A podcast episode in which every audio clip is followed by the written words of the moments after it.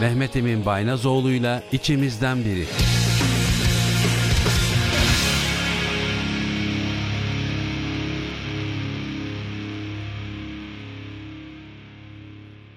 Trakya Üniversitesi Radyosu, Radyo Güne Bakan stüdyolarından yine herkese merhaba. Mehmet Emin Baynazoğlu ile içimizden biri programıyla tekrar karşınızdayız.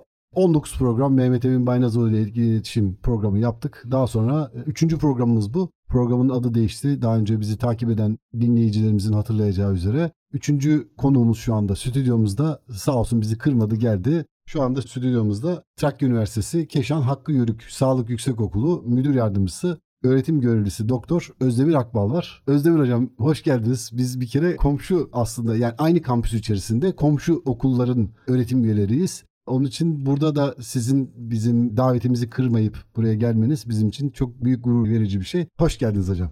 Hoş bulduk komşu diyeyim öyleyse ben de. evet. e, çünkü komşuluk hukuku hemen hemen akrabalık hukuku gibi bir şeydir. Ben katılıyorum buna evet. Hocam biraz kendinizden bahseder misiniz? Hani gururla söylüyorum doğma büyüme Edirne'liyim. Evet, Edirne'nin de oldukça eski ailelerinden birinin evladıyım. Hı hı. 1977'de Edirne'de doğdum. Hı hı.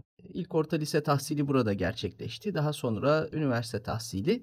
Ama tabii akademiye geçmeden önce uzunca bir süre ben okçuluk sporuyla uğraştım. Okçuluk sporuyla evet. uğraştınız. Nerede onu, yaptınız? Onu onu arz edeceğim. Evet. Şimdi o biraz bir uzun hikaye. Umarım Hı. program süresi Programımız yeterli, yeterli olur. Programımız yeterli. Evet, Devlet yeterli. sporcusu ünvanını haizim şu anda dünyanın pek çok devletinde yani şöyle ifade edeyim. Doğuda Çin'den, batıda Küba'ya, Amerika Birleşik Devletleri'ne, kuzeyde Rusya Federasyonu'ndan, güneyde Mısır'a, Güney Afrika'ya kadar dünyanın pek çok devletinde Türkiye Cumhuriyeti Devleti'ni şerefle temsil etme imkanına kavuştum. Müsabakalara katıldınız. Tabii ki. Kaç yaşında başladınız? 13 yaşında okçuluk sporuna 13 başladım. yaşında. Evet. Yani Avrupa'da, Balkanlar'da, dünya çapında derecelerim mevcut. Hı hı. Bununla birlikte bizim branşın cilvesi diyeyim ben buna. Evet. Olimpiyat rekoru kırıldığı halde olimpiyat madalyası sahibi olamayan Öyle e, mi? sporculardanım. Şöyle bir durum söz konusu. Bizde seri başı seri sonu karşılaşmaları yapılır. Tıpkı tenisteki gibi bir eşleşme usulü vardır. Biz olimpiyat rekorunu kırdıktan hemen sonraki maçta elendik. Öyle mi? Evet. Dolayısıyla olimpiyat beşincisi olarak tamamladık. 2000 Sydney olimpiyatları. Şimdi olimpiyat rekorunu kırdınız. Bir önceki maçta. Bir önceki maçta olimpiyat rekorunu evet. kırdınız. Daha sonra daha sonraki maçta da elendik. Evet. Yani elendiniz. bu şey bizim branşın cilvesi. Yani şimdi bunu atletizm alanıyla uğraşan bir dinleyici nasıl oluyor diye sorgulayabilir. Şöyle bir durum. Çünkü biz atış genel klasmanı tamamladıktan sonra madalya için tekrar atışları yapmaya başlarız. Evet. Birinciyle katılımcının sayısına göre değişkenlik arz etmekle birlikte hı hı. genel kural ilk 32'nin katılımıdır. İşte birinciyle evet. 32. ikinciyle 31. şeklinde eşleşilir yeniden. Bu maçlardan bir tanesinde olimpiyat rekoru kırıldı. Ondan sonraki maçta da e, maalesef talihsiz bir şekilde üstelik de. Yani hani Rus takımına eğlenmiştik hiç unutmuyorum. Mucize kabilinden yapması gerekiyordu son sporcunun Rus takımındaki sporcunun atışını mucize kabilinden bir atış yaptı. Yani ben de gittim elini sıktım zaten. Evet. Ve hani belki de olimpiyatın en yüksek skorlu karşılaşmasıydı evet. ama dördüncülük beşincilik müsabakasına dönüştü bilahare ve böylece evet. olimpiyat madalyasını olimpiyat rekoruyla kaçıran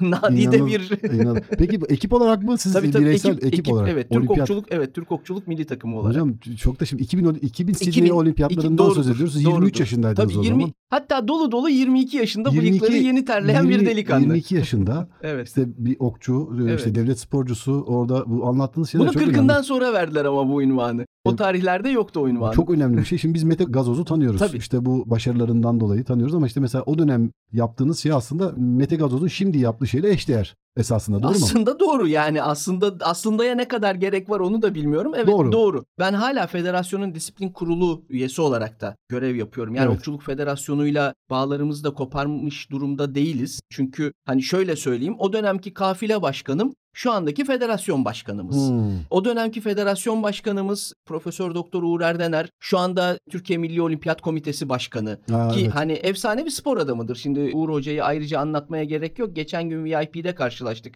Ben bir kongreye gidiyordum. Orada da ayaküstü hasbihal etme fırsatı bulduk. Hoca spor adamlığı, bilim insanlığını zaten takdir etmek benim haddim bile değil de spor adamlığı konusunda da hakikaten Türk spor idarecileri manasında efsanevi bir yer edinmiş durumda. Hmm. Bileğinin hakkıyla elbette. Evet. Dolayısıyla hani böyle bir sadece Trakya Üniversitesi'nin değil aynı zamanda da böyle bir yapılanmanın da içinde bulunan bir Trakya Üniversitesi mensubu olarak okula katkıda, üniversitemize katkıda bulunmaya çalışıyorum. Hı hı. Okulumuzda da bir okçuluk kulübü oluşturduk aslında. Evet. Komşu okul olarak Çok sizin güzel. hemen alt tarafınızda bir okçuluk kulübü söz konusu. Kulübünüz mevcut. Evet. Tabii şimdi orada gençleri şöyle yetiştirme çabası içerisindeyim. Ben tanışıyoruz biraz sizinle de. E, evet. Disiplinli bir insanım biliyorsunuz. Evet, evet, evet. Şimdi öyle olunca öncelikli olarak altyapılarını düzgün bir şekilde almaları konusunda benim en büyük amacım. Evet. Zira bu bir silah. Yani evet. bunun tartışılır tarafı yok. Allah korusun istenmeyen sonuçların ortaya çıkması gibi bir şey de söz konusu. Evet. Bundan dolayı biz kulüp başkanımız ve kulüp başkan yardımcımızı yapılacak olan ilk antrenörlük kursuna göndermeyi planladık. Hatta hmm. geçen günde onun toplantısını yaptık okçuluk kulübü olarak. Bu iki kardeşimizi ki ikisinin de zaten belli bir seviyede okçuluk geçmişleri de var. Evet. İyi kötü de ismi duymuşlar. Beni öğrenmişler sağ olsunlar. Tamam. Bir şekilde ben çünkü okçuluk camiasında pek ya ilk defa yıllardan beri ilk defa bir radyo vasıtasıyla okçuluk konuşuyorum.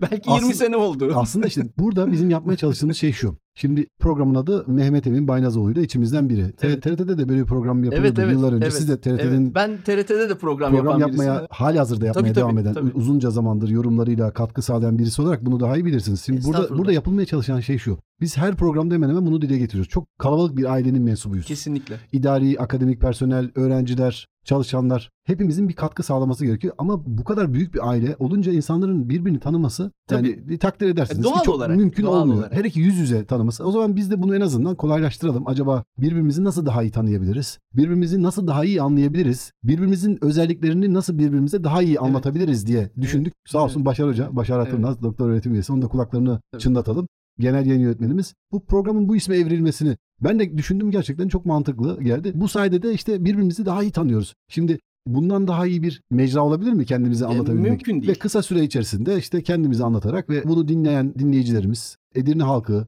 dünyanın herhangi bir yerinde dinleyen belki bir dinleyicimiz de sizinle ilgili bilgi sahibi olacak. Belki işte bu sayede de farklı bir takım birliktelikler, farklı bir takım projeler ortaya çıkacak. Kesinlikle. Ki bunu daha önceki çalışmalarımızdan, daha önceki yayınlarımızdan böyle şeylerin gerçekleştiğini biliyoruz. Onun için çok iyi oluyor bunları anlatmanız. Ben de aslında sizi bu detayları daha önce biraz konuştuk ama bu detayları bilmiyordum. Bu kadar detaylı evet, bence, zaten kolay bence, kolay konuşmuyorum aslında. bence çok iyi bir şey şu anda yapıyorsunuz anlatarak en azından bunu da hem de öğrencilerimizde yüreklendirmek, cesaretlendirmek ki, anlamında tabii. teşvik etmek, motive tabii etmek. Ki. Özellikle bu tarz sporlara ki gerçekten siz çok daha iyi biliyorsunuz motivasyon için, konsantrasyon için ne kadar faydalı olduğunu onun için bunları anlatmak önemli olduğunu düşünüyorum. Tabii. Ben vesileyle Başar hocamıza da teşekkürlerimi iletmek istiyorum. Selamlar, saygılar, sevgiler. Hı. Size de ayrıca teşekkür etmek istiyorum. İyi ki bu programı yapmışsınız. Hani iyi ki ben de gelmişim buraya. Hani kendime de biraz dokundurayım meseleyi. Tabii Sağ olun, e, branşı geliştirmek zor çünkü pahalı da bir spor branşından evet, bahsediyoruz evet. bu noktada ama Öyle tahmin ediyorum ki şu anda çok görünür bir seviyede değil ama bu antrenörlük projesini eğer başarıyla tamamlayabilirsek Trakya Üniversitesi için de oldukça önemli bir adım atılmış olacak. Çünkü bu gençler bizim evlatlarımız aynı zamanda. Evet, bizim kardeşlerimiz. Evet. Bizim geleceğimiz. Tabii ki. Ben onlara amfide her zaman şunu söylüyorum zaten. Sizler Türkiye Cumhuriyeti Devleti'nin geleceğisiniz. Bu sorumluluk ve bilinçle hareket etmekle mükellefsiniz. Şimdi bir de böyle kravatlı mıravatlı bir şey görünce karşılarında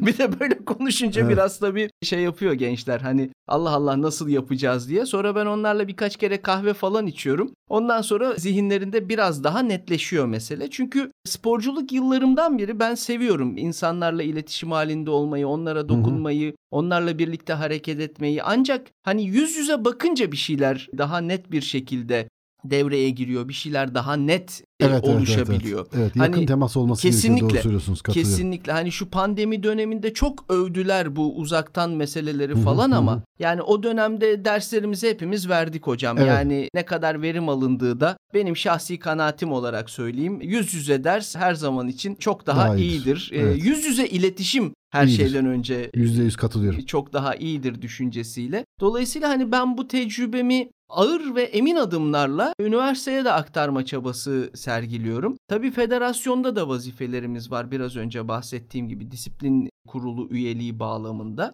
Bunun haricinde malum işte şu anda okuldaki mesaimiz komşumuz olmanız evet, hasebiyle evet, evet. siz de şahit oluyorsunuz oldukça evet yoğun genç kardeşlerimizi en etkin ve etkili şekilde nasıl eğitiriz? Bunun çabasını Hayata sergiliyoruz. nasıl hazırlarız? Kesinlikle. İşte Türkiye'nin geleceğini şekillendirmeleri için nasıl katkı sağlayabiliriz? Evet, Bunun evet, peşindeyiz. Evet yani bu çok önemli. Tabii ben burada fedakarane bir şekilde çalışan sayın hocalarıma ayrıca bu mikrofon aracılığıyla teşekkür etmek istiyorum. Evet. Çünkü yaklaşık hoca başına 100 öğrencinin düştüğü bir fakülte dengi yüksek okuluz biz. Evet. Oldukça yoğun bir mesaileri var. Uygulama alanlarımız konusunda çok yoğun mesai sarf edilmesi gereken bir durum. Dolayısıyla hani hakikaten mesai mefhumu zaten 2547'li herhangi bir personelin yok ama arkadaşlar sayın meslektaşlarımız bu konuda gerçekten olağanüstü bir çaba sarf Çok ediyorlar. Fedakar, evet. Fedakarca Takdire şayan bir çaba sarf Şimdi ediyorlar. Şöyle bir durum var. Diğer bütün okullar için aynı şey geçerli. Bununla birlikte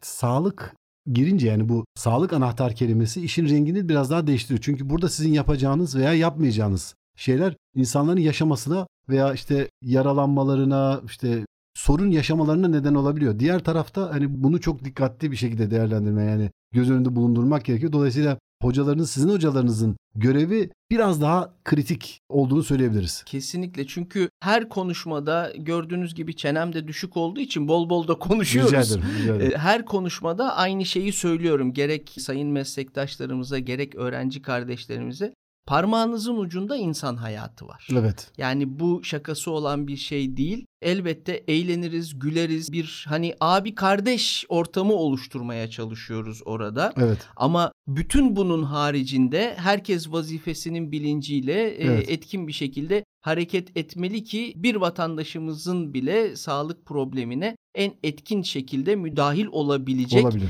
bir sağlık çalışanı grubunu mezun edebilelim. Bu konuda ben hocalarımıza tekrar tekrar teşekkür etmek istiyorum. Gerçekten evet. fedakarca çalışmalar yürütüyorlar. İnsan yükünün kaldırabileceğinin üzerinde bir seviyede çalışılıyor şu evet, anda. Ben ona yani kendi gözlerimle e, şahit olduğum için çok net bir şekilde evet bunu öyle olduğunu söyleyebilirim. Onun için ben de gerçekten onları tebrik ediyorum. Gönülden tebrik ediyorum. Çok sağ olun. Ben de onlar adına teşekkür ediyorum size. Evet, evet, evet. Şimdi okçulukla ilgili aslında biraz daha devam edelim tabii, mi? Devam tabii, edelim çünkü tabii. Bir, orada bir, bir şeyden bahsediyordunuz tam. Yani idari tarafında da tabii. aslında görev alıyorsunuz. Tabii. Hem e, federasyonda görevleriniz var. Ondan bahsediyordunuz. Şimdi şöyle Balkan şampiyonalarıyla başlayan bir maceram var. 1994 yılının Mayıs ayında Atina'da yapılmış Balkan Şampiyonası'nda ilk uluslararası derecemi elde ettim. 1994 yılından sonra da oldukça hızlı bir şekilde devam ettim branşa. 98 yılında üniversiteler arası dünya şampiyonasında Tayvan'da yapılan takım halinde ikinci olduk. Ben erkeklerdeki ilk dünya çapındaki bireysel madalyayı kazandım. 1998 senesi Tayvan'daki üniversiteler arası dünya şampiyonası. Ondan sonra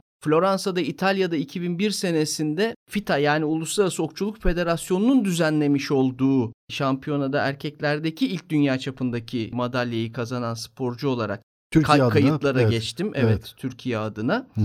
Tabii 97 senesiydi. Olimpiyat Meşalesi ödülüne layık görüldüm. Bu söylediğiniz ee, şeylerin hepsini çok genç yani çocuk denilecek yaşlarda yaptınız. E, tabii şimdi Neredeyse. düşünsenize 15-16 yaşından tabii, bahsediyoruz öyle değil tabii, mi? Tabii tabii. Yani 97 tabii, yılından tabii, söz ediyoruz. 15 yaşında, tabii, 16 yaşında. Tabii. Gerçekten tabii. çok büyük bir gurur. Ee, hocam şöyle ben hani çocukluğum kamplarda geçti desem yalan olmaz. İyi ki de geçmiş. E tabii. Demek geliyor içimden. Çünkü Kesinlikle e, öyle. geçmeseymiş olmayacakmış. Mutlaka. Disiplin yoksa, çalışma yoksa siz de söylüyorsunuz. Hep konuşmalarımızı hep dile getiriyoruz. Siz de evet. getiriyoruz. Disiplin ve disiplin, çalışma disiplin ve yoksa çalışma. o zaman gerçekten başarının gelmesi çok olası değil.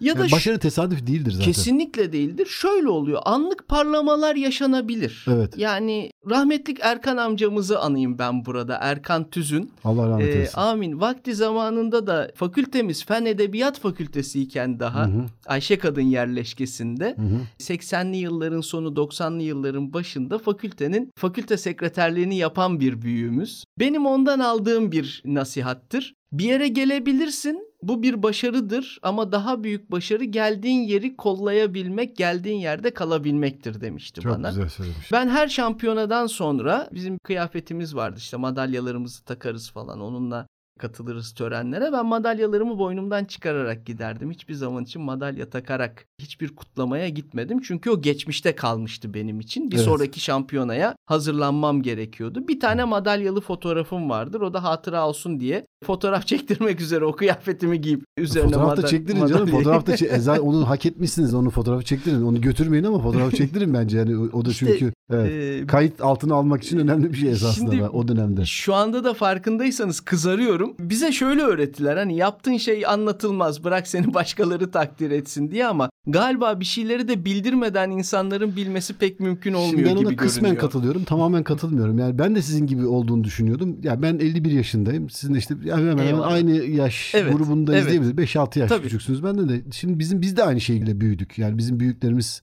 işte öğretmenlerimiz, aile büyüklerimiz hep böyle söylerdi. Yani işte mütevazı ol. Evet, bırak başkası İşte takdir bırak etsin. başkası takdir etsin. Evet. Sen kendini anlatma. Bu Evet, doğru. Evet. Bununla birlikte sizin de kendinizle ilgili şeyleri anlatmanız gerekiyor. Şundan dolayı gerekiyor. Bazı durumlarda herkesin her şeyi bilmesi sizin hakkınızda mümkün olmayabiliyor. Elbette. Şimdi bazı elbette. ortamlarda sizin anlatmanız gerekiyor. İşte bu Evet. aslında bu öyle bir ortam. sanırım öyle bir Bu ortam. öyle bir ortam. Bu- tamam. Dolayısıyla da e, Kızarmayayım. Onu, onu yapmamız gerekiyor ki insanlar aslında burada bir yol göstericilik durumu söz konusu olacak. Yani sizin biraz önce de bahsettiğim gibi yani bunu yapmak isteyen öğrencilere, gençlere bir yol gösterici durumunda E, olacaksınız. elbette. Bu elbette. nedenle yani bunu yapmak bence gerekiyor. Peki o zaman ben kızarmayayım. Peki tamam. Kızarma, olur mu?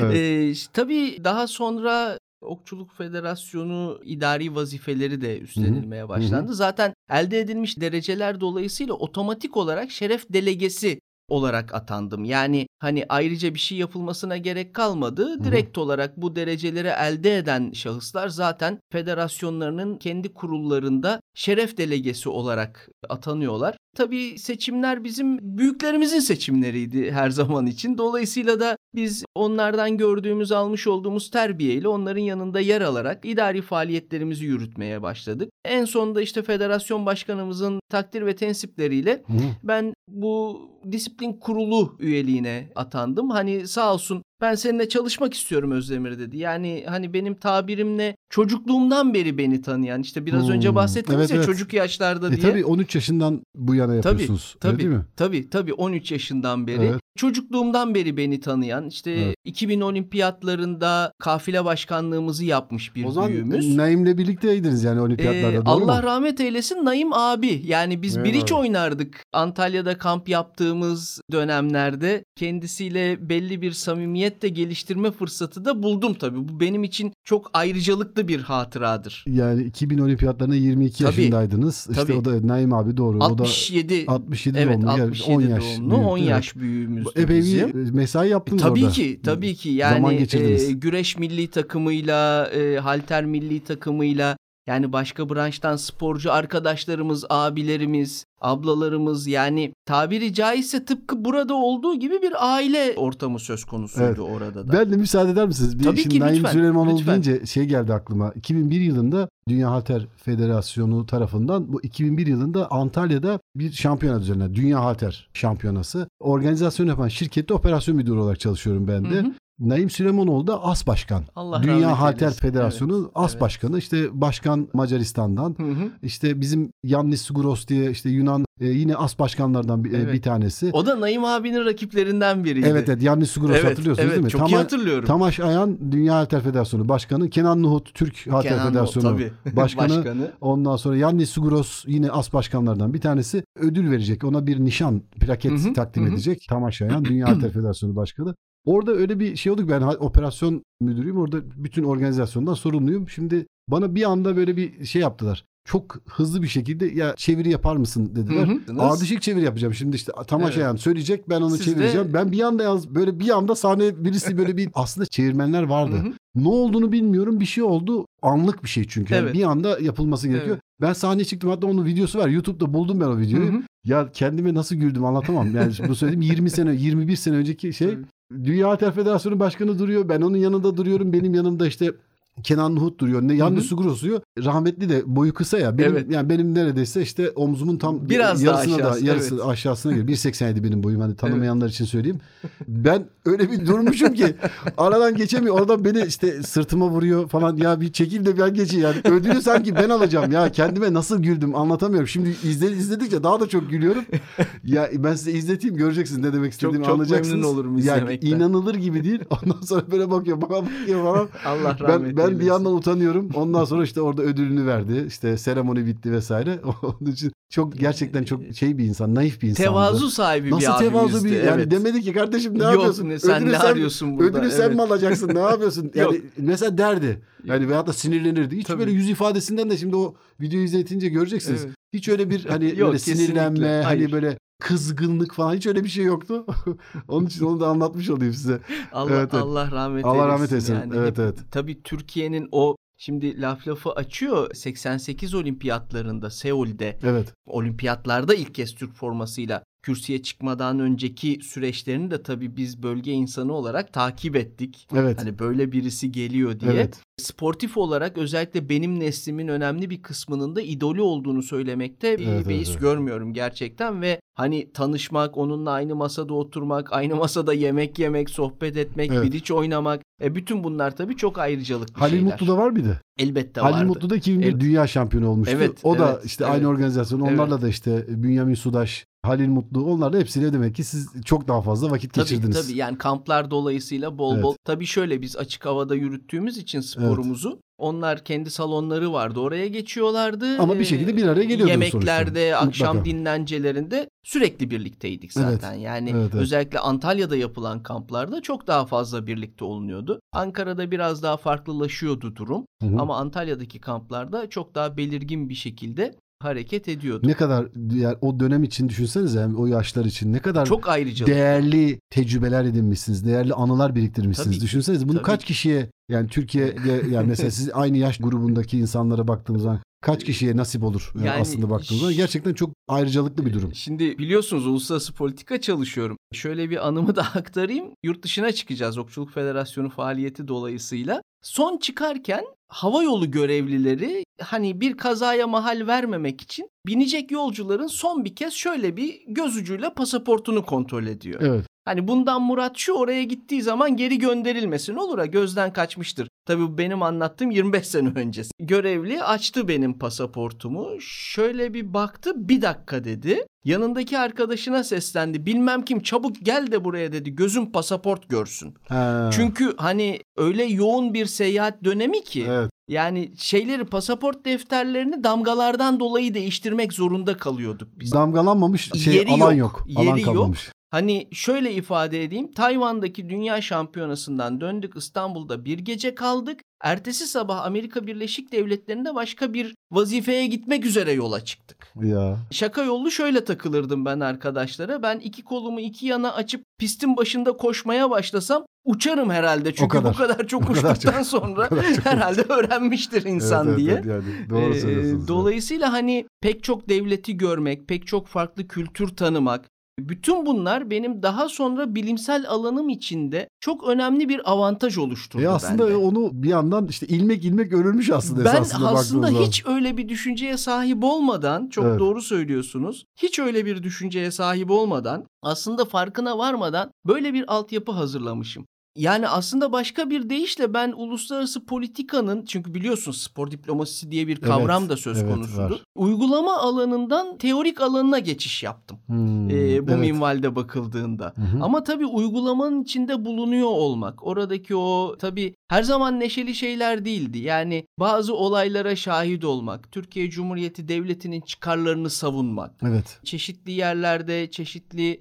bölücü terör örgütü tehditlerine rağmen göğsünüzde Türk bayrağıyla dolaşmak, Evet. o bayrağı, şanlı bayrağı göndere çektirmek, İstiklal Marşınızı Bir okutmak. gurur. Evet. Bütün bunlar aynı zamanda bir mücadelenin de unsuruydu. Hı hı. Çünkü Türkiye Cumhuriyeti Devleti'nin her zaman şöyle söylüyordum ben özellikle bu Atina'daki Balkan Şampiyonası için Hı hı. günümüz şartlarında hiçbir askeri güç ya da herhangi bir tanıtım parasıyla yani hani lobicilik faaliyetleri diye anlatılır ya Hı hı. herhangi bir tanıtım parasıyla Atina'nın ortalık yerinde Türk bayrağını göndere çektirip bağırta bağırta İstiklal Marşı'nı okutamazsınız. Mümkün değil. Ama böyle bir gücün altına imza atma şerefine eriştik. Üstelik de çok erken yaşlarda eriştik. Evet. Tabii bu önemli bir hayat tecrübesi de getirdi bana. Yani diğer arkadaşlarıma nazaran belki de biraz daha olgun kıldı beni. Hala çok kötü ve soğuk espriler yapıyorum o ayrı mesele ama hayata bakış açısından biraz Evet, daha e, olgun kıldı beni. Daha farklı Evet. bir perspektiften bakabilme imkanı sağladı ve bu akademik çalışmalarda çok önemli bir avantaj kazandırdı bana. Bütün buradan hareketle tabii akademiye geçişte de e, özellikle uluslararası politika çalışmalarında hı hı. mesela Amerika Birleşik Devletleri konusunda yoğunlaştım ben. Amerika Birleşik Devletleri'ne hiç gitmediysem 6 kez gitmişimdir. Hı hı. Yani toplama vurduğunuzda uzunca bir süre Amerika Birleşik Devletleri'nde kalmış oluyorsunuz. Kaldınız evet. Bütün bunlardan aslında çıkarılacak tecrübeleri elde etmek o yazım sürecinde oradaki sosyolojik yapının tahlili, hı hı. oradaki insanların davranış biçiminin kestirme açısından da çok önemli evet. oldu. Evet evet. Yani dolayısıyla aslında biraz önce sizin de dediğiniz gibi ben farkına varmadan bir altyapı hazırlayarak bugünlere gelmişim. Evet evet evet evet gerçekten öyle. Çünkü yazdığınız kitaplar da var çünkü uluslararası evet. politika ile ilgili. Evet. Dolayısıyla o kitaplar için de bir hazırlık yapmış oldunuz esasında o seyahatleriniz esnasında. Tabii ki. Tabii o gözlemleriniz, ki, tabii o yaşadıklarınız, orada karşılaştığınız olaylar, anılarınız vesaire onların hepsi esasında sizin daha sonra işte biraz önce bahsettiğimiz gibi yapacağınız şeylerin de habercisi olmuş. Yani hiç farkına varmadan hem de tabii şimdi orada insanlarla konuşuyorsunuz. Başka devletlerde başka milletlerin yani o devlete ait olmayan milletlerin unsurlarıyla da bir araya geliyorsunuz. Evet. Yani Floransa'da Amerika Birleşik Devletleri'nden gelmiş insanlarla ne bileyim Fransızlarla ya da Fransa'da Bordeaux'da Pays de Warwick bölgesinde yani çok da böyle turistik olmayan yerlere gittiğimiz zamanlar hmm. da oluyordu. Evet. Asli unsurun nasıl davrandığını anlıyorsunuz. Evet. Yani ben mesela Fransa'da öyle bir duvara çarpmışlığım vardır. Konuşabildiğim hmm. dil hani babam sağ olsun diyeceğim burada tam böyle hani arabaların arkasına yazarlar ya. ben de İngilizcem için onu babam sağ olsun. o mu öğretmişti? Onun vesile evet, mi olmuştu? Evet yani o o baya böyle ortaokul dönemimde beni alır karşısına oturtur İngilizce öğretirdi. Öyle yani. mi? Tabii. Yani ve ben 16 yaşında. Babanızın görevi? Babam emekli devlet memuru. Tamam ama İngilizceyi ee, nereden öğrenmişti? İngilizceyi de işte merakı dolayısıyla öğrenmiş. Konuşma ee, İngilizcesi ee, mi öğretiyordu? hem konuşma hem yazı yani Çok şeydir güzel. iyi derecededir İngilizcesi. Çok iyi. Fransa'ya gittik. Ee, evet. Fransa'da 16 yaşında delikanlıyım daha. Baş antrenörümüz teknik toplantıya gitme hasebiyle bizim başımızdan ayrıldı. Hı. E, 7 tane dil bilen 6 olimpiyat görmüş. Hani böyle efsane bir isim Mario Codispoti. Sportif kariyerimde çok önemli bir şeyi vardır, katkısı vardır. Hı. Hatta ve hatta daha ileriye götüreyim. Sportif kariyerimi sahibidir. Hı. Öyle ifade edeyim. Mario Codispoti. Mario, Mario, Mario Codispoti. Codispoti. Gitti şeye gitmemiz gerekiyor. Spor sahasına gitmemiz gerekiyor. 16 Hı. yaşında tabiri caizse Hı. bir çocuk. Ben sizi götürürüm dedim spor sahasına. Hı. Hiç problem değil. Hatta biraz da böyle büyükler vardı müstehsi bir ifadeyle iyi hadi götür bakalım nereye götüreceksen şeklinde. Gittim konuştum görüştüm oradaki insanlarla. Ve ondan sonra şey geldi, otobüs geldi. E, nasıl yaptın dediler. Dedim ben yabancı dil zaten biliyorum. Hani burada da şey oluyor. Pekişiyor. Biraz daha pekiştirme e, tabii, imkanına sahip yani pe- pekişiyor ama şunu da yaşadım aynı zamanda. Benim konuşabildiğim yabancı dil tamam başka dillerde de bazı kelimeler cümlelerle derdimi anlatabiliyorum ama konuşabiliyorum diye bildiğim yabancı dil İngilizce. Fransa'nın güneyinde bir müsabakada mesela adamla İngilizce konuştum. Adam kesinlikle karşılık vermedi bile. Hmm.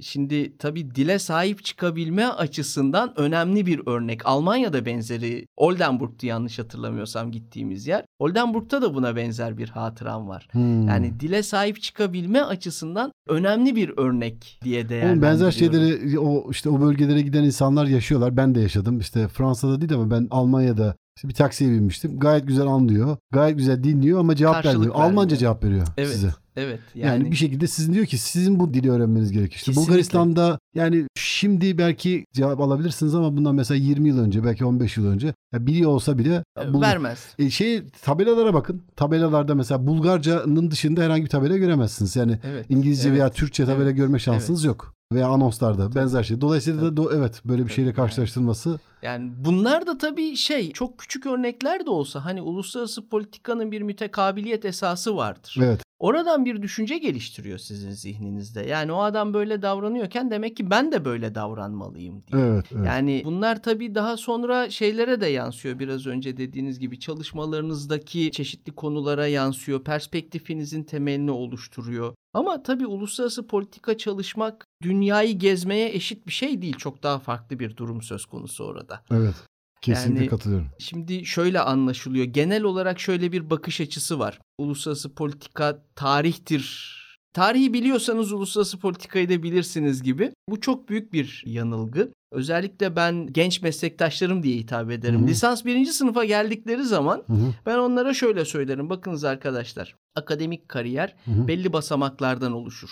Bunun birinci basamağı lisans, ikinci basamağı yüksek lisans ve son ve üçüncü basamağı da doktoradır evet. diye. Siz artık benim gözümde birer genç meslektaş adayım olarak akademik Hı-hı. kariyerin birinci basamağındasınız. Evet. Ve hepsine siz diye hanımefendi ve beyefendi diye hitap ederim. Bütün bu konuşmalar sırasında da şunu söylerim özellikle bu politika bilimi veya uluslararası politika ile alakalı dersler veriyorsam. Tarih bizim oldukça fazla yararlandığımız önemli bir yardımcı bilim dalıdır bizim için ama bilim dalımızın ta kendisi değildir. Hmm. Metodoloji, bunun teorisi, bununla alakalı çalışmalar yürüttüğünüz zaman ancak bilim dalınızdaki farklılığı ortaya koyabilirsiniz. Yoksa sizin o söylediğiniz şeyleri yakın çağ tarihçisi de söylüyor. Hı hı. Ama tarih metodolojisiyle uluslararası politika, politika biliminin metodolojisi birbirinden çok farklıdır şeklinde onlarla dertleşirken, sohbet ederken kurduğum cümleler. Ha bunu nasıl edindim? Elbette ki e, işte bu bahsetmiş olduğum kısaca bahsettim aslında bu geçmişten. Evet, çok evet. uzun bir şeyi kapsar. E, evet. Çünkü hayatımın yarısı neredeyse fiilen. Aslında herkes için aynı şey geçerli. Şimdi bir insanın hayatını düşünsenize 40 yıllık, 45 yıllık, 30 neyse yaşantısını yarım saatte anlatması tabii ki de mümkün Oldukça değil. Oldukça zor. Ama en azından işte bazı ne diyelim satır başlarından tabii, bahsederek işte bazı ufak hatıralardan, anılardan, Kesinlikle. ilginç kareleri belki anlatarak bahsedebilirsiniz. Onun dışında mümkün değil tabii ki tabii, de. Tabii mümkün değil. Dolayısıyla hani bu noktada oradan getirmiş olduğum tecrübenin bilimselliğe ben oldukça önem veren birisiyim ve benim şahsi kanaatim de değil. Yani Doğan Özlem Hoca'dan, Cemal Yıldırım Hoca'dan bilim felsefesinin hı hı. önemli çalışanlarıdır bunlar bilimin metot ve bilimin felsefesinin uzağında yürütülmesinin mümkün olmadığı görüşünden hareketle uluslararası politika çalışmalarının da bu minvalde yürütülmesini değerlendiriyorum. Hani yaptığım çalışmaları da yine bu çerçevede ele almaya çalışıyorum. Yoksa ben biraz da böyle şakayla karışık gidip görmecilik diyorum ona. Kapıkule'nin öbür tarafına geçmeyi tek başına uluslararası politika çalışmak olarak değerlendiren bir bakış açısı da var. O zaman bizim tur rehberinden farkımız ne oluyor? Evet ya da olayı sadece aktarmak olarak anlayan var. O zaman bizim gazeteciden, muhabirden farkımız ne oluyor? Evet. Ya da eskiden devletler arasında şöyle olmuştu, öyleyse şimdi de böyle olacak diye yaklaşarak açıklayan var. E o zaman bizim tarihçiden farkımız ne oluyor? Evet. Bütün bunları birleştirerek yürütmeye Hepsinin bir çalıştığımız arada, bir tabii, araya gelmesi bir de işin içine yorumları, kesinlikle gözlemleri katmanız gerekiyor. İşte o teori ve buluş bağlamıyla alakalı evet. ki alanınıza olan tabiri caizse aşkla çözülebilecek bir şey. Alanınıza aşık değilseniz bunu yapmak çok fazla Aslında mümkün bütün değil. işler için aynı şey Tabii geçerli. Ki. Her ne Tabii iş ki. yapıyorsanız yapın. Yaptığınız işi eğer sahiplenmiyorsanız, sevmiyorsanız ve o işten mutlu değilseniz kesinlikle. Yani onu yapmamanız hem sizin hem de çevrenizin faydasına olacaktır diye düşünüyorum. Kes, ben bunu kesinlikle. bu şekilde hep böyle düşünmüşümdür. Mış gibi yapmaktan kaçınmışımdır. Kaçınmaya çalışmışımdır. Kesinlikle. Çünkü size bir katkı sağlamayacak şey, Kesinlikle. şey zamanınızı harcamaktan Kesinlikle. öteye gitmeyecektir. Kesinlikle. Onun için zamanınızı ayırıyorsanız en iyisini yapmaya gayret kesin, etmekte kesin, fayda var. Kesinlikle. Hocam güzeldi. Valla okçu sadece bence şöyle bir şey biz Başar Hoca'yla da böyle zaman zaman konuşurken işte buradaki hocalarımızı Hı-hı. işte buraya gelen misafirlerimizi misafirlerimize de konuşurken böyle farklı farklı şeyler çıkınca diyoruz ki lütfen siz de bir burada program yapın. Siz de işte haftanın belli günleri bence sizin e, her hafta gelip burada bir işte kısa bir süre tabii bilmiyorum müsaitlik durumunuza göre çünkü anlatacak çok şeyiniz var. Ben bunu anlıyorum. Var.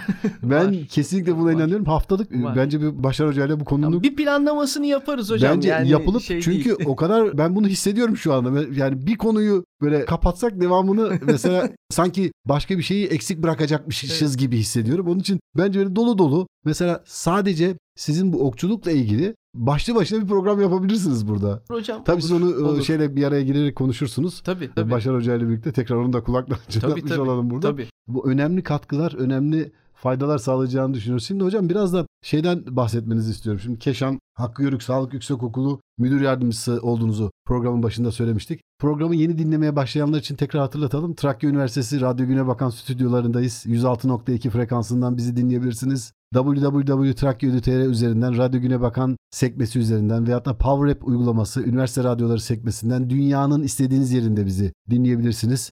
Ki dinleyenler var. Onu e, duyuyoruz işte Alaska'dan, Amerika Birleşik Devletleri'nden, Kanada'dan, İngiltere'den işte bizim öğrencilerimiz, mezunlarımız burayı gerçekten takip eden insanlar var ve bu da bizi gerçekten çok mutlu ediyor. Onu hatırlattıktan sonra biraz da işte akademik tarafınızda aslında başladık konuşmaya. Ondan da biraz söz etmenizi istiyorum. Şimdi kitaplarınız var. Birkaç tane galiba değil mi? İşte özellikle de uluslararası politika ile ilgili. Onlardan söz edebilirsiniz. Çünkü uzunca süre Trakya Üniversitesi'nden önce de bir akademik hayatınız vardı. Tabii. Öyle tabii, değil mi? Tabii. Sonra da burada tabii. kaç yıldır buradasınız hocam? Burada 3 seneden beri. 3 sene. Daha önce neredeydiniz hocam? Daha önce Ankara'daydım bir düşünce kuruluşunda. Amerika Araştırmaları Merkez Başkanı olarak çalışıyordum. Çalışıyordunuz. Çok uzun bir Ankara geçmişim var.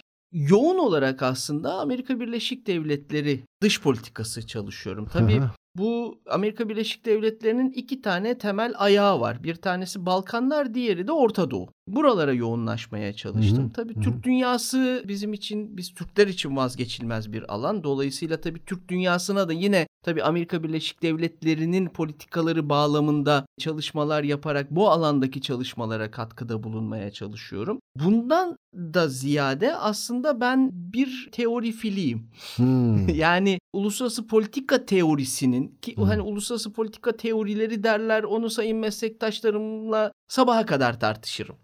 Leri ifadesi ne kadar doğrudur, ne kadar değerlendirilir bu, bu çok teknik bir konu. Bunu hı bir kongrede bir kürsüde ele almak daha doğru olur daha ama olacak. uluslararası politika teorisinin benim perspektifimde hı ele alınması konusunda yaklaşık 10-12 seneden beri çalışmalar yürütüyorum. Hı hı. Ve çalışmalarımın temeli de zaten teori ve metot üzerine kurulu. Hı hı. Yayınlanmış tek yazarlı olarak iki tane kitabım var. Hı hı. E, toplama baktığınızda dördüncü eserim basılmış durumda. Hı hı. En son Amerika Birleşik Devletleri'nin Suriye politikası ve bölgesel etkileri basıldı. Basıldı. Evet ondan önce de ABD-Suudi Arabistan ilişkilerini bir teorik perspektifle ele almaya çalışmıştım. Amerika Birleşik Devletleri Suriye politikası ve bölgesel etkileri de teorik bir perspektifi içeriyor ama biraz daha güncele dayalı olduğu için çok o teorik vurguyu kapakta yapmamayı tercih ettim oldukça geniş bir makale geçmişim var. Bunlar tek tek saymak biraz şey Yok, alacaktır.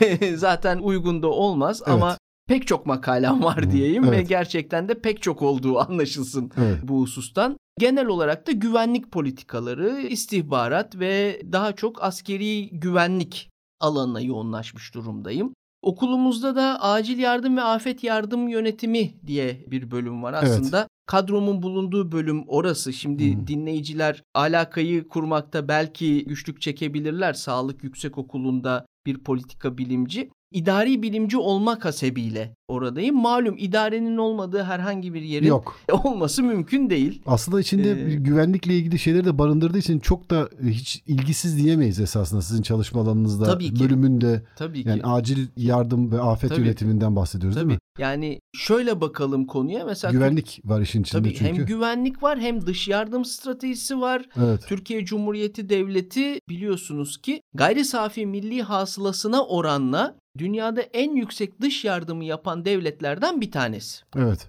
Ve aynı zamanda maalesef 1999'da yaşamış olduğumuz deprem dolayısıyla oradan çıkarılan derslerle oldukça etkili çeşitli kamu kurumları bünyesinde sivil toplum kuruluşları bünyesinde oldukça etkili arama kurtarma gruplarına sahip. Evet. Ve bu da takdir edersiniz ki başka devletlere yardım hususunda yine aslında kamu diplomasisi diye tanımlanabilir ama tek başına bir yardım diplomasisi diye açıklanabilecek bir unsuru da ortaya çıkarıyor. Bugün gerek yakın coğrafyamızda gerek uzak coğrafyamızda Türkiye Cumhuriyeti Devleti arama kurtarma teşkilatlarının müdahil olmadığı herhangi bir felaket yok denecek hmm, kadar az. Yani evet. Pakistan'dan Latin Amerika'ya kadar pek çok alanda müdahil olunan yerler var. Evet. E bu da direkt olarak uluslararası politika ile konunun aslında birleşmesini sağlıyor. Evet. Ben de hani kendi bölümümde de uluslararası politika, dış yardım konularının ele alınacağı derslerin açılması hususunda da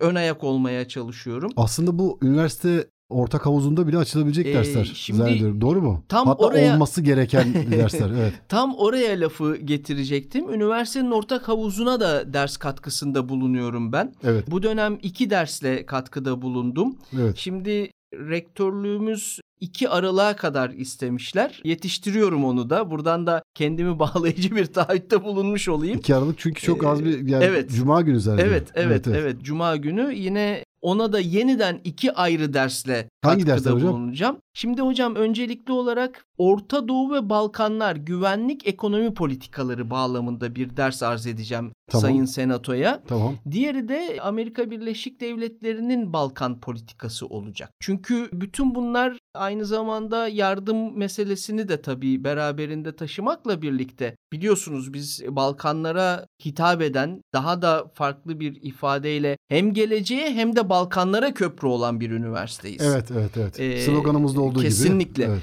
Fakat Balkanlar ayrı bir yerde, Orta Doğu ayrı bir yerde görüşü biraz revize edilmesi gereken bir görüş. Hı hı. Çünkü Orta Doğu'daki devletlerin de Balkan devletleriyle olan ilişkileri var. Bunun bizim üniversitemiz tarafından anlaşılması Balkanlara dönük politikamız açısından da önemli bir dayanak noktası oluşturacaktır diye düşünüyorum. Bu bakış açısıyla dersi arz ederken bununla alakalı bir makale çalışması da yürüteceğim. Amerika Birleşik Devletleri'nin zaten hani Balkanlara olan etkisi üzerinde herhalde çok fazla tartışmaya da gerek yok. Herhangi bir ülkeye, dünya üzerindeki herhangi yani, bir ülkeye yani, etkisini tartışmaya çok fazla gerek yok. Yani, Mevcut dersleriniz hangileri hocam? İki tane da, ders e, veriyorum dediniz. Şu anda da uluslararası ilişkilerde ekonomi, politik ve güncel sorunlarla hı hı. Amerika Birleşik Devletleri Türkiye ilişkilerini veriyorum.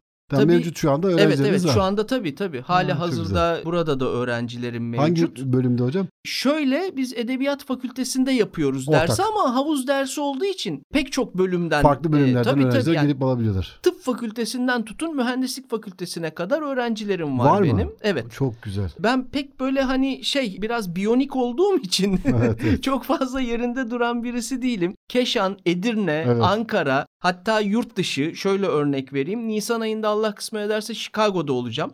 Amerika Birleşik Devletleri Politika Bilimciler Derneği'nin düzenlemiş 80.si düzenleniyor bu arada. Hmm. Neredeyse bir asırlık bir kongre. Kongrede. Oraya evet o 3-4 gün önce oraya kabul aldım. Çok güzel. Ee, Allah kısmet ederse Nisan ayında Chicago'da olacağım. Temmuz ayında Buenos Aires'te olmayı planlıyorum. Çok güzel. Bu Temmuz'da Kongreler için değil mi bunlar? Tabii tabii kongre. bunlar da kongre. Temmuz'la Nisan ayı arasında belki Bişkek'te olma ihtimalim var. Gördüğünüz gibi hani Edirne Keşan'dan biraz daha Evet evet. E, Edirne Keşan e, yani yurt içi yurt dışı evet, da var bu işin içerisinde. Şimdi genişçe bir şekilde. Aslında olması gereken de bu. Çünkü yani bir de özellikle de sizin çalışma alanınızda bütün alanlar için aynı şey esasında hemen hemen aynı şey geçerli. Çünkü dünyada olup bitenleri yorumlamanız, gözlemlemeniz, özümsemeniz ve kendi çalışmalarınıza Elbette. bir şekilde yansıtmanız Elbette. gerekiyor. Tabii bölümünüzde ilintili olacak şekilde. Tabii. Dolayısıyla bunu Tabii. yapmanız çok değerli, çok önemli. Kendi gelişiminiz için hem e, üniversitenin Tabii. hem bölümünüzün çok önemli katkıları oluyor öğrenciler açısından da. Onun için ben gerçekten tebrik ediyorum. Çok teşekkür Özellikle ederim. de işte bu enerji de önemli. Yani bunları yapabilmek için ciddi bir enerjiye ihtiyaç var, motivasyona ihtiyaç var. Onun için de bir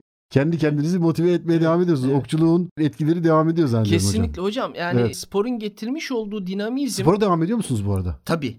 Yani ne yani, yapıyorsunuz? Düzenli olarak yapıyor düzenli musunuz? Düzenli olarak yüzüyorum hocam. Düzenli yani olarak. artık çünkü Yaz, şimdi kış 12 ay ha, hiç fark etmez. 12, ne yapıyorsunuz? Yani ee, kışın düzen, kapalı spor salonunda. Evet, düzenli olarak yüzüyorum. Hani orada da hava atayım. Şimdi yüzücüler dalga geçecek ama hani normal vatandaşa göre hava atayım. Bir kilometreyi bir saatte yüzebiliyorum. Bir kilometre bir saatte yüzmek iyi bir şey. Ben biliyorum. Evet. Yani nasıl olduğunu yani, ben, ben biliyorum gerçekten. Yani bravo. Şey, askeri kur bağlama stilini kullanırım yüzerken genel olarak. Hı hı. E, bir kilometreyi de yaklaşık bir saatte Koşuyor musunuz? Yani yürüyüş, ee, koşu vesaire gibi şeyler. Koşma işini maalesef yapamıyorum. Onu yüzmeyle ikame etmeye çalışıyorum. Hmm. Ama onun haricinde son derece düzenli bir hayatım var. Evet çok güzel. Yatma, ee, uyuma, tabii kalkma hepsi, saatleri. Hepsi disiplinde. Sabah kalk borusu çalıyor hocam. O kadar yani. O kadar. O, o yatak kadar. toplanır, sakal tıraşı olunur, ev terk edilir. Bu ya askerlik işte erkekler evet. için askerlik dönemi. Kadınlar için de işte bilmiyorum öyle bir dönem bazı da işte okul dönemlerinde oluyor. Ben bunun olması gerektiğini kesinlikle yüzde yüz inanıyorum. Ve onun size kattığı şeylerin çok ben de Ankaralıyım. Bu arada bizim de işte Hı-hı. ortak yanlarımız çok fazla evet, var. Konuştuğumuz ancak ortaya çıkıyor. Orta Doğu Teknik Üniversitesi'nin kürek takımında spor yapıyordum. Ben tabii evet. milli sporcu, devlet sporcusu olamadım fakat o dönem için bana çok ciddi katkıları olduğunu. Yani Her türlü spor, spor disiplininin bulunur. size özellikle de 14-15 yaşında Kesinlikle. başlamıştım. Yaklaşık 4-5 sene kadar yaptım. Kazandırdığı etkinin hala faydasını görüyorum. Şu Kesinlikle. anda mesela ben pazar günü de olsa işte erken saatte uyanıyorum. Yani mesela evet. günde 7 saat uyuyorum. Tabii. Yani 8 saat uyuduğumda inanılmaz rahatsız, rahatsız oluyor. Mesela saat kurmuyorum ben mesela. Siz de bilmiyorum Yok. saat kuruyor. Yok, Genellikle saati kurarsam da tedbiren kuruyorum. çok tedbiren kurarsam evet. da mesela o saatten genellikle yarım saat önce Kesinlikle. uyanıyorum.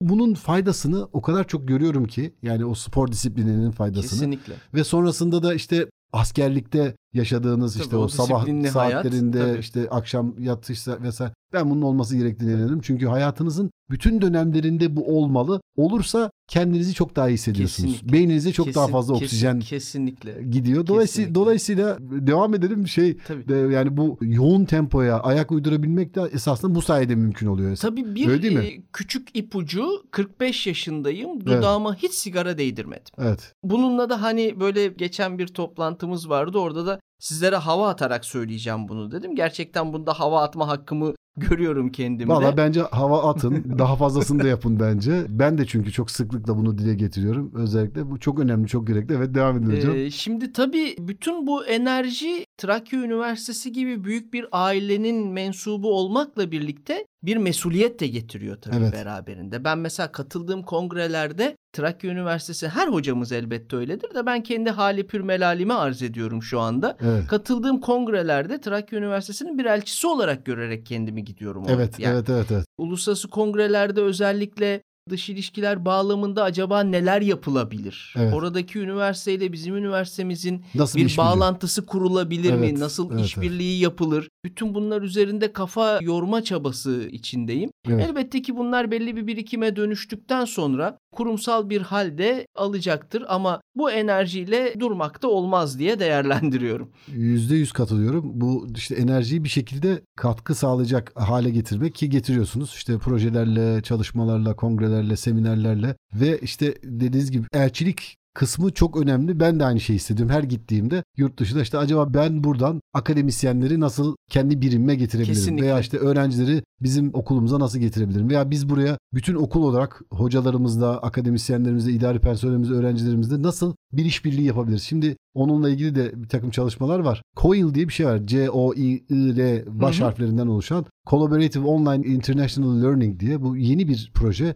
Dünyanın herhangi bir ülkesindeki bir okulla online bir birliktelik birliktelik esasında evet. işte Mauritius diye bir ada ülkesi var. Küçücük bir ada ülkesi Madagaskar açıklarında Hint Okyanusu'nda. Evet. Mesela orada bir üniversitede şu anda iletişim kuruyoruz ve muhtemelen önümüzdeki haftalarda bir işbirliği yapacağız. Keşan Yusuf Çapraz Uygulamalı Bilimler Yüksekokulu Trakya Üniversitesi bünyesinde University of Mauritius'la bir işbirliği yapacak. Bunlar o kadar heyecanlandırıyor ki beni. Bunları düşünmek bile işte oradaki akademisyenlerle online platformda da olsa bir araya gelmesi, öğrencilerimizin, akademisyenlerin Tabii bir ki. araya gelmesi, Tabii sonra Çok bir şeyler mühim. yapmamız, Çok bir mühim. proje yapmamız. İşte yine Blended Intensive Program diye BIP diye bir şey var. İşte buradaki yakınımızdaki Balkanlardaki üniversitelerle benzer şeyler işte Çekya, Polonya veya biraz daha yakınımızdaki üniversite. Bunların hepsi esasında bizim bu ailenin bireyi olmanın bize verdiği aslında sorumluluk. Sorumluluk. Bilinciyle yaptığımız Kesinlikle. şeyler. Hocam Kesinlikle. şimdi biz buraya gelen misafirlerimizle konuklarımızla hep böyle şey yapıyoruz. Şu anda programımızın sonuna geldik. Yani o kadar Eyvallah. ben biraz önce de söylemiştim ya. Bence konuşacağımız şeyler çok fazla. Siz bir program yani kendi programımıza başlamadan önce ben sizden bir program daha söz alayım. Çünkü Sözüm bilmiyorum, olsun. Bilmiyorum çünkü bir Sözüm saat e, programımızın sonuna geliyoruz. Hı hı. Son olarak Sözüm söylemek olsun. istediğiniz bir şey var mı hocam? Eklemek istediğiniz Tabii bir şeyler birçok şey. Evet. Tabii ki Lütfen. var. Bugünkü program için. Tek bir şeye ihtiyacımız var. Çalışkan olmak. Söz benim değil. Gazi Maraşal Mustafa Kemal Atatürk'ün bu söz üzerine hareket ettiğimiz zaman başarısız olma imkan ve ihtimali ortadan Bir kez daha söyler misiniz lütfen? Tek bir şeye ihtiyacımız var. O da çalışkan olmak. Evet. Rahmetle ve saygıyla analım Atatürk'ü vesile arkadaşlarını. Bize Cumhuriyeti Kesinlikle. hediye eden ve şehitlerimizi Onları da rahmetle, rahmetle analım. Allah rahmet eylesin. Amin. Mekanları cennet olsun. Trakya Üniversitesi Radyosu Radyo Güne Bakan stüdyolarında Mehmet Emin Baynazoğlu ile İçimizden Biri programında Keşan Hakkı Yörük Sağlık Yüksekokulu Müdür Yardımcısı, öğretim görevlisi Doktor Özdemir Akbal yayın konuğumuzdu. Çok çok teşekkür ederiz. Ben teşekkür ederim Ayağınıza davetiniz sağlık. için. İyi ki varsınız. İyi ki geldiniz. İyi ki sizler de varsınız. Ee, Hep birlikte varız. Evet. Bütün dinleyicilerimize kucak dolusu sevgiler. Önümüzdeki hafta yeni bir programda görüşmek dileğiyle. İyi günler.